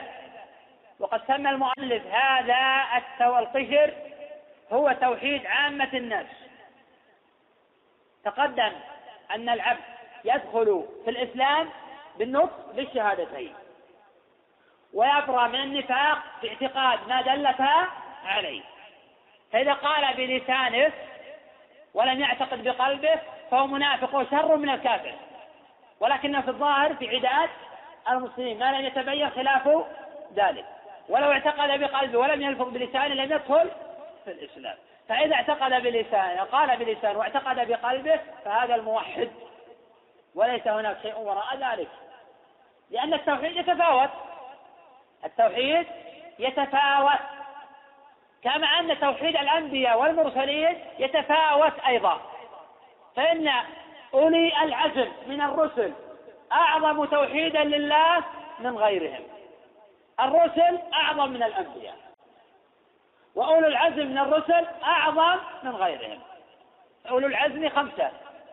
على حسب الترتيب الزمني نوح وإبراهيم وموسى وعيسى وخاتمهم نبينا محمد صلى الله عليه وسلم وهو أفضلهم وأعظمهم توحيدا. لأن التفاضل إنما يكون بحسب التوحيد. وكلما كان الإنسان أقوى توحيدا كان أقرب إلى الله جل وعلا. والأنبياء أعظم توحيدا من عامة الناس. إذا مراتب. الرسل أعظم الناس توحيدا هم أعظم من الأنبياء والأنبياء أعظم من عامة الناس وبعد ذلك الناس يتفاوتون في التوحيد. فتوحيد أبي بكر أعظم من غيره وتوحيد عمر أعظم ممن جاء بعده. قوله ولباب التوحيد. اللباب في اللغة هو الخالص. اللباب في اللغة هو الخالص. يقول المؤلف عن هذا اللباب بأن يرى الأمور كلها من الله تعالى ثم يقطع الالتفات عن الوسائط وأن يعبده سبحانه عبادة يفرده بها ولا يعبد غيره. قوله وأن يعبد سبحانه عبادة يفرد بها ولا يعبد غيره هذا من معاني لا إله إلا الله. عاد هذا المعنى الذي جعله هو اللباب إلى القشر الأول. وقوله أن يرى الأمور كلها من الله هذا يعود إلى القشر الثاني وهو عقيدة القلب. وقوله ثم يقطع الالتفات عن الوسائط وقد قال شيخ الإسلام رحمه الله تعالى في ما نقله عنه ابن القيم رحمه الله تعالى في المدارج قال كمال التوحيد هو أن لا يبقى في القلب شيء لغير الله أصلا. كمال التوحيد هو أن لا يبقى في القلب شيء لغير الله أصلا. وهذا من معاني لا إله إلا الله. وقول المؤلف ثم يقطع الالتفات عن الوسائط في كلامه إجمال وتعميم. وهو لا يقصد بذلك إسقاط الأسباب لأن هذا ليس من التوحيد في شيء. وإن كان كلام طوائف من المتصوفة يقتضي ذلك. فالمتصوفة يجعلون إسقاط الأسباب الظاهرة من أجل معاني التوحيد. وهذا في حقيقته جهل بالتوحيد وجهل بما أرسلت به الرسل. فيحمل قول المؤلف ثم يقطع الالتفات عن الوسائط التي تؤدي إلى التعلق بالمخلوقين. على أن التعلق بالمخلوق ليس كفرا على الإطلاق. فبعض التعلق كفر أكبر شرك أكبر وبعض التعلق شرك أصغر وبعض التعلق من من المعاصي. فجعل هذا هو اللباب في نظر. فإن نعلم أن دعوة الأنبياء والمرسل مشتملة على الدعوة للا إله إلا الله دون هذه الرموز ودون هذه العبارات التي فيها نوع تعمق وتقعر وترد كثيرا في ألفاظ الصوفية. يعني كما قلت لكم إن الكلام كله الآن للغزالي والغزالي عنده تأثر بالصوفية. لأن من معاني لا إله إلا الله لا لا لا في تطبيقها والعمل بها وبمقتضاها يرى الأمور كلها من الله. هذا من معاني لا إله إلا الله. فإذا اختل شيء من ذلك نقص توحيده وبكماله يكمل التوحيد. فلا معنى لجعل هذا هو اللباب الخالص للتوحيد. ثم أن يجعل هذا هو توحيد خاصة الخاصة والأول هو توحيد وما قبل توحيد العامة وما قبله هو الذي يدخل به العدل في الإسلام. وفي الجملة هذا شبيه بقول صاحب المنازل حين قسم التوحيد إلى ثلاثة أقسام. فقال القسم الأول هو توحيد العامة الذي يصح بالشواهد أي بالأدلة والبراهين.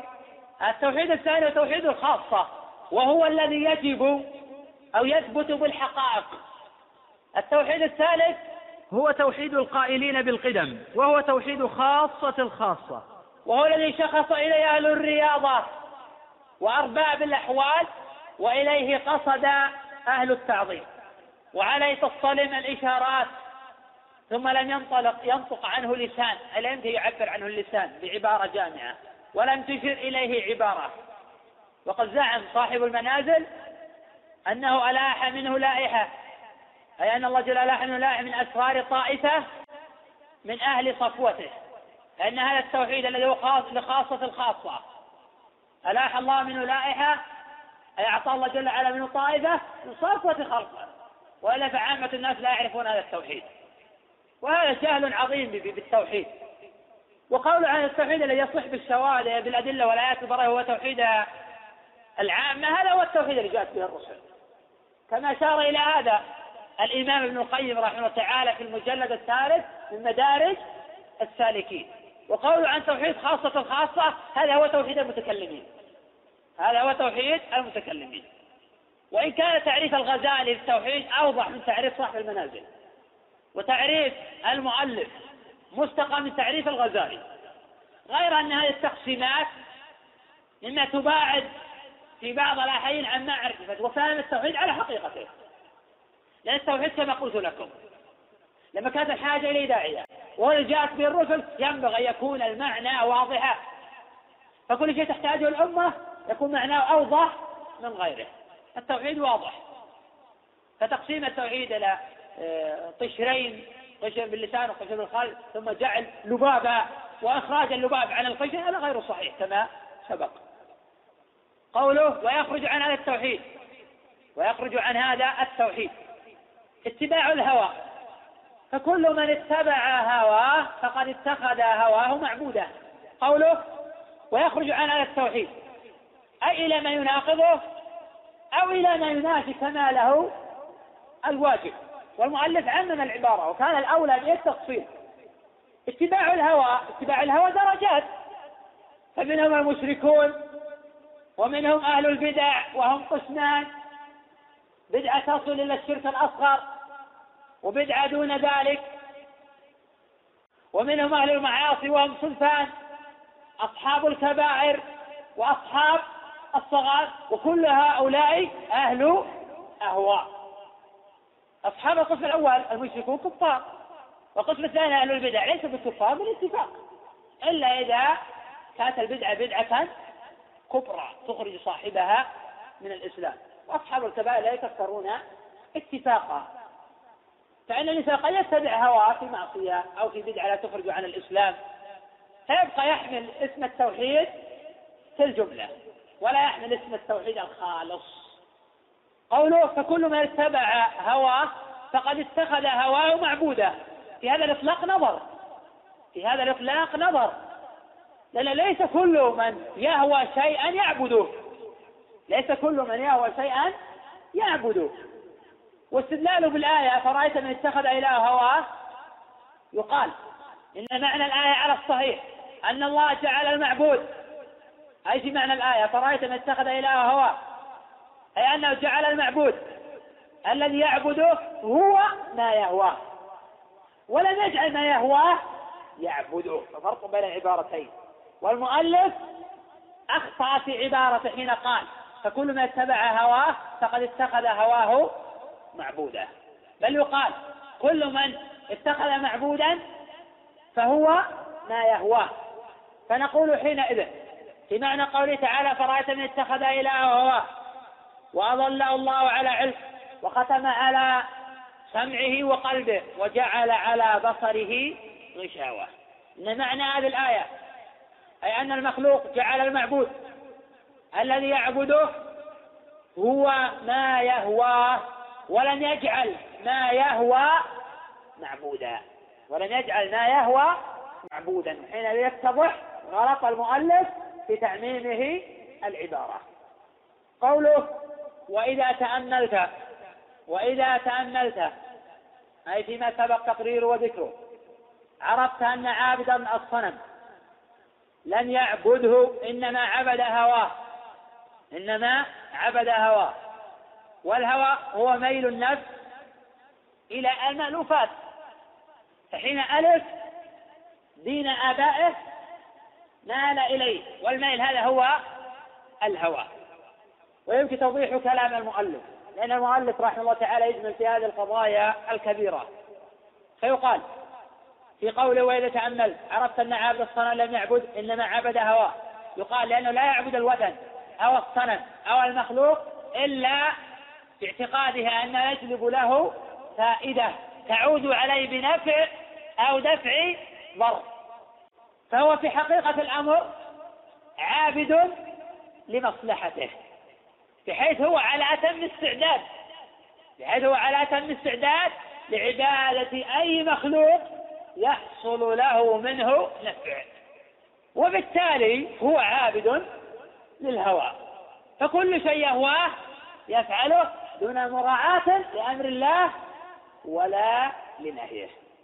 وقوله وميل النفس إلى المألوفات أحد المعاني التي يعبر عنها بالهوى.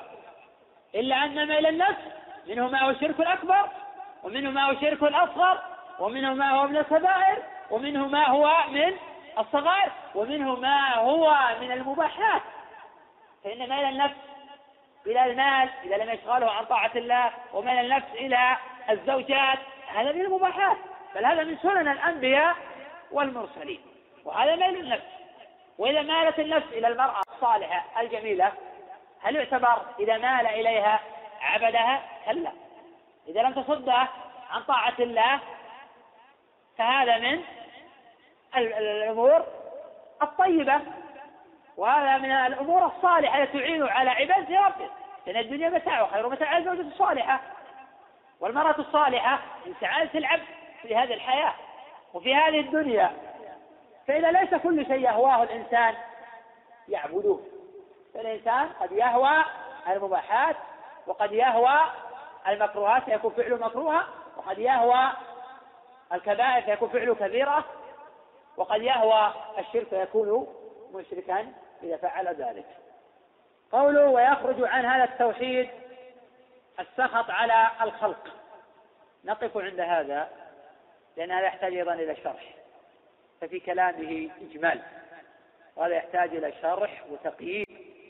نوضحه إن شاء الله تعالى في الدرس القادم. الله أعلم.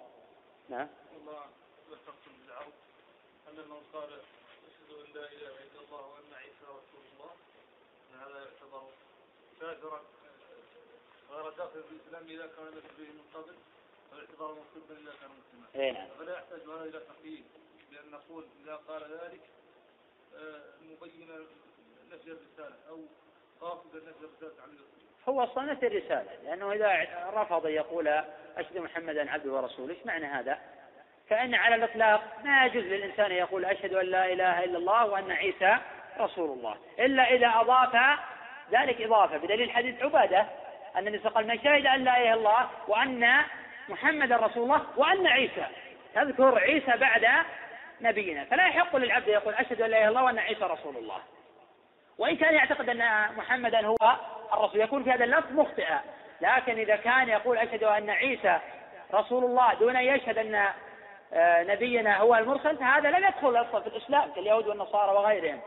فإذا كان المسلم موحدا يشهد أن لا إله إلا الله وأن محمدا رسول الله وأراد يقر بنبوة عيسى فيجب عليه أن يقدم نبينا محمد صلى الله عليه وسلم ثم يثني في عيسى. كما قال صلى الله عليه وسلم في حديث عبادة في الصحيحين من شهد أن لا إله إلا الله وأن محمدا رسول الله وأن عيسى عبد الله ورسوله وكلمته ألقاها إلى مريم وروح منه وأن الجنة حق وأن النار حق. أدخله الله الجنة على ما كان من العبد وأنا كان حديثي عن اليهود كان الحديث عن النصارى. بهذا القيد لكن مثلا إذا قال المسلم. إذا قال المسلم نص هذا الحديث وقال أشهد أن عيسى رسول الله. مع علمنا أنه أنه ولو كان يجب يقول أشهد أن محمد رسول الله وأن عيسى عبد الله. ما يقول أشهد الله وأن عيسى عبد الله ورسوله دون أن يشهد أن محمدا رسول الله. ولو كان ولو كنا نعلم منه أنه موحد. غير أنه لا يكفر بهذا. لكن يجب عليه يقول أشهد الله وأن محمد رسول الله وأن عيسى عبد الله ورسوله. أما النصارى فحين يقولون أشهد أن لا إله إلا الله وأن عيسى آه، رسول الله لم يدخلوا في الإسلام. إن الدين عند الله الإسلام. ومن يبتغي غير الإسلام دينا فلن يقبل منه. وهو في الآخرة من الخاسرين. فهم بهذه المثابة كفار مخلدون في النار. وقد قال صلى الله عليه وسلم لا يسمع بي أحد من هذه الأمة لا يهودي ولا نصراني ثم لم يؤمن بما أرسلت به إلا كان من أصحاب النار. نعم إذا قلنا التوحيد أقوى الرسل من الأنبياء هذا الترتيب الذي ذكرنا الترتيب الزمني مثلا الرسل أقوى توحيدا من الأنبياء والأنبياء أقوى توحيدا من عامة الناس.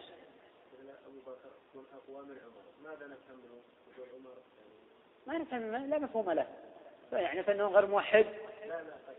الإيمان يتفاضل.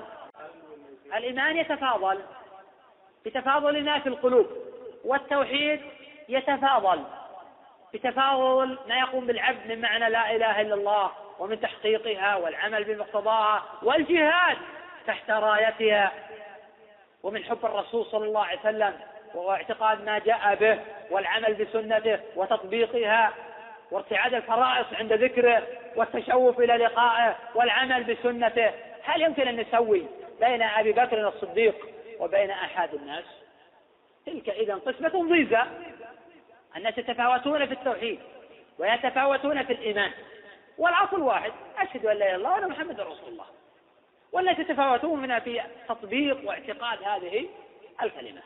فنقول كما تقول المرجئة إنهم لا يتفاضلون بل هم في معنى هذه الكلمة غير متفاضلين.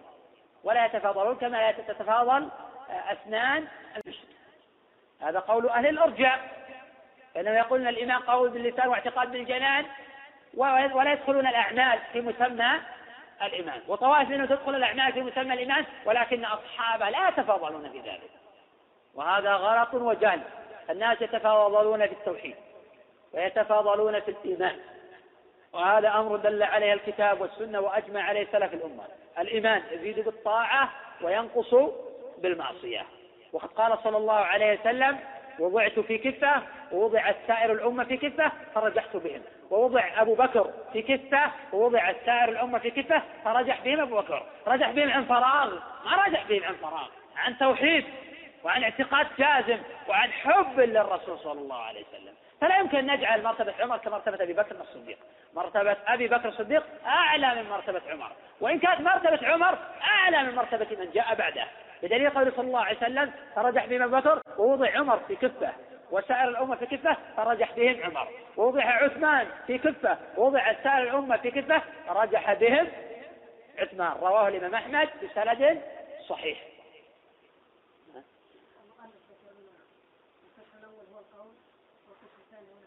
نعم.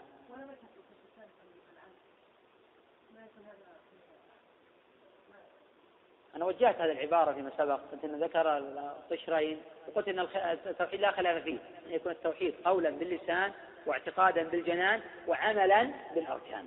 والمؤلف قال إن التوحيد له قشران قشر قول وقشر اعتقاد. ثم جعل لباب التوحيد أن ترى الأمور كلها من الله فتقطع الوساط كأنه يريد بهذا ويشير إلى العمل. وإن كانت العبارة كما أسلفت فيها نوع نقص في التعبير.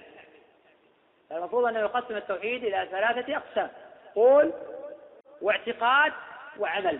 ولهذا يقول شيخ الإسلام محمد بن الوهاب رحمه الله تعالى في كشف الشبهات في خاتمتها يقول لا خلاف أن التوحيد لا بد يكون في القول واللسان والاعتقاد فإذا اختل شيء من هذا أي على الإطلاق لم يكن الرجل مسلما ولا موحدا. وأشار أيضا إلى العمل فيما سيأتي إن شاء الله تعالى مع أنه سيأتي إن شاء الله توضيح زيادة على هذا. نعم. الوحي واحد والكلمة واحدة. لكن الله جل وعلا فضل هؤلاء على هؤلاء ولا بماذا يتميز نبينا محمد صلى الله عليه وسلم عن غيره من الأنبياء؟ لأن بعض الأنبياء دعا أكثر من دعوته نوح دعا ألف سنة إلا خمسين عاما ونبينا صلى الله عليه وسلم أفضل من نوح بالإجماع وذلك لتفاضل ما من الله عليه به من اعتقاد ومعرفة الرب جل وعلا. لأن المعرفة تتفاوت. فليس كل من قال لا إله إلا الله صار مثل من قالها. الآخر. فإن الناس يتفاوتون في التوحيد كما يتفاوتون في الخلق. فتوحيد الرسل أعظم من توحيد الأنبياء بالإجماع. وتوحيد الأنبياء أعظم من توحيد الناس بالإجماع. والناس فيما بعد ذلك يتفاوتون. فتوحيد أبي بكر كما سبق أعظم من توحيد غيره.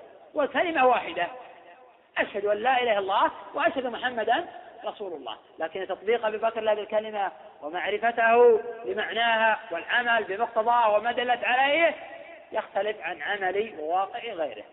يكفي هذا.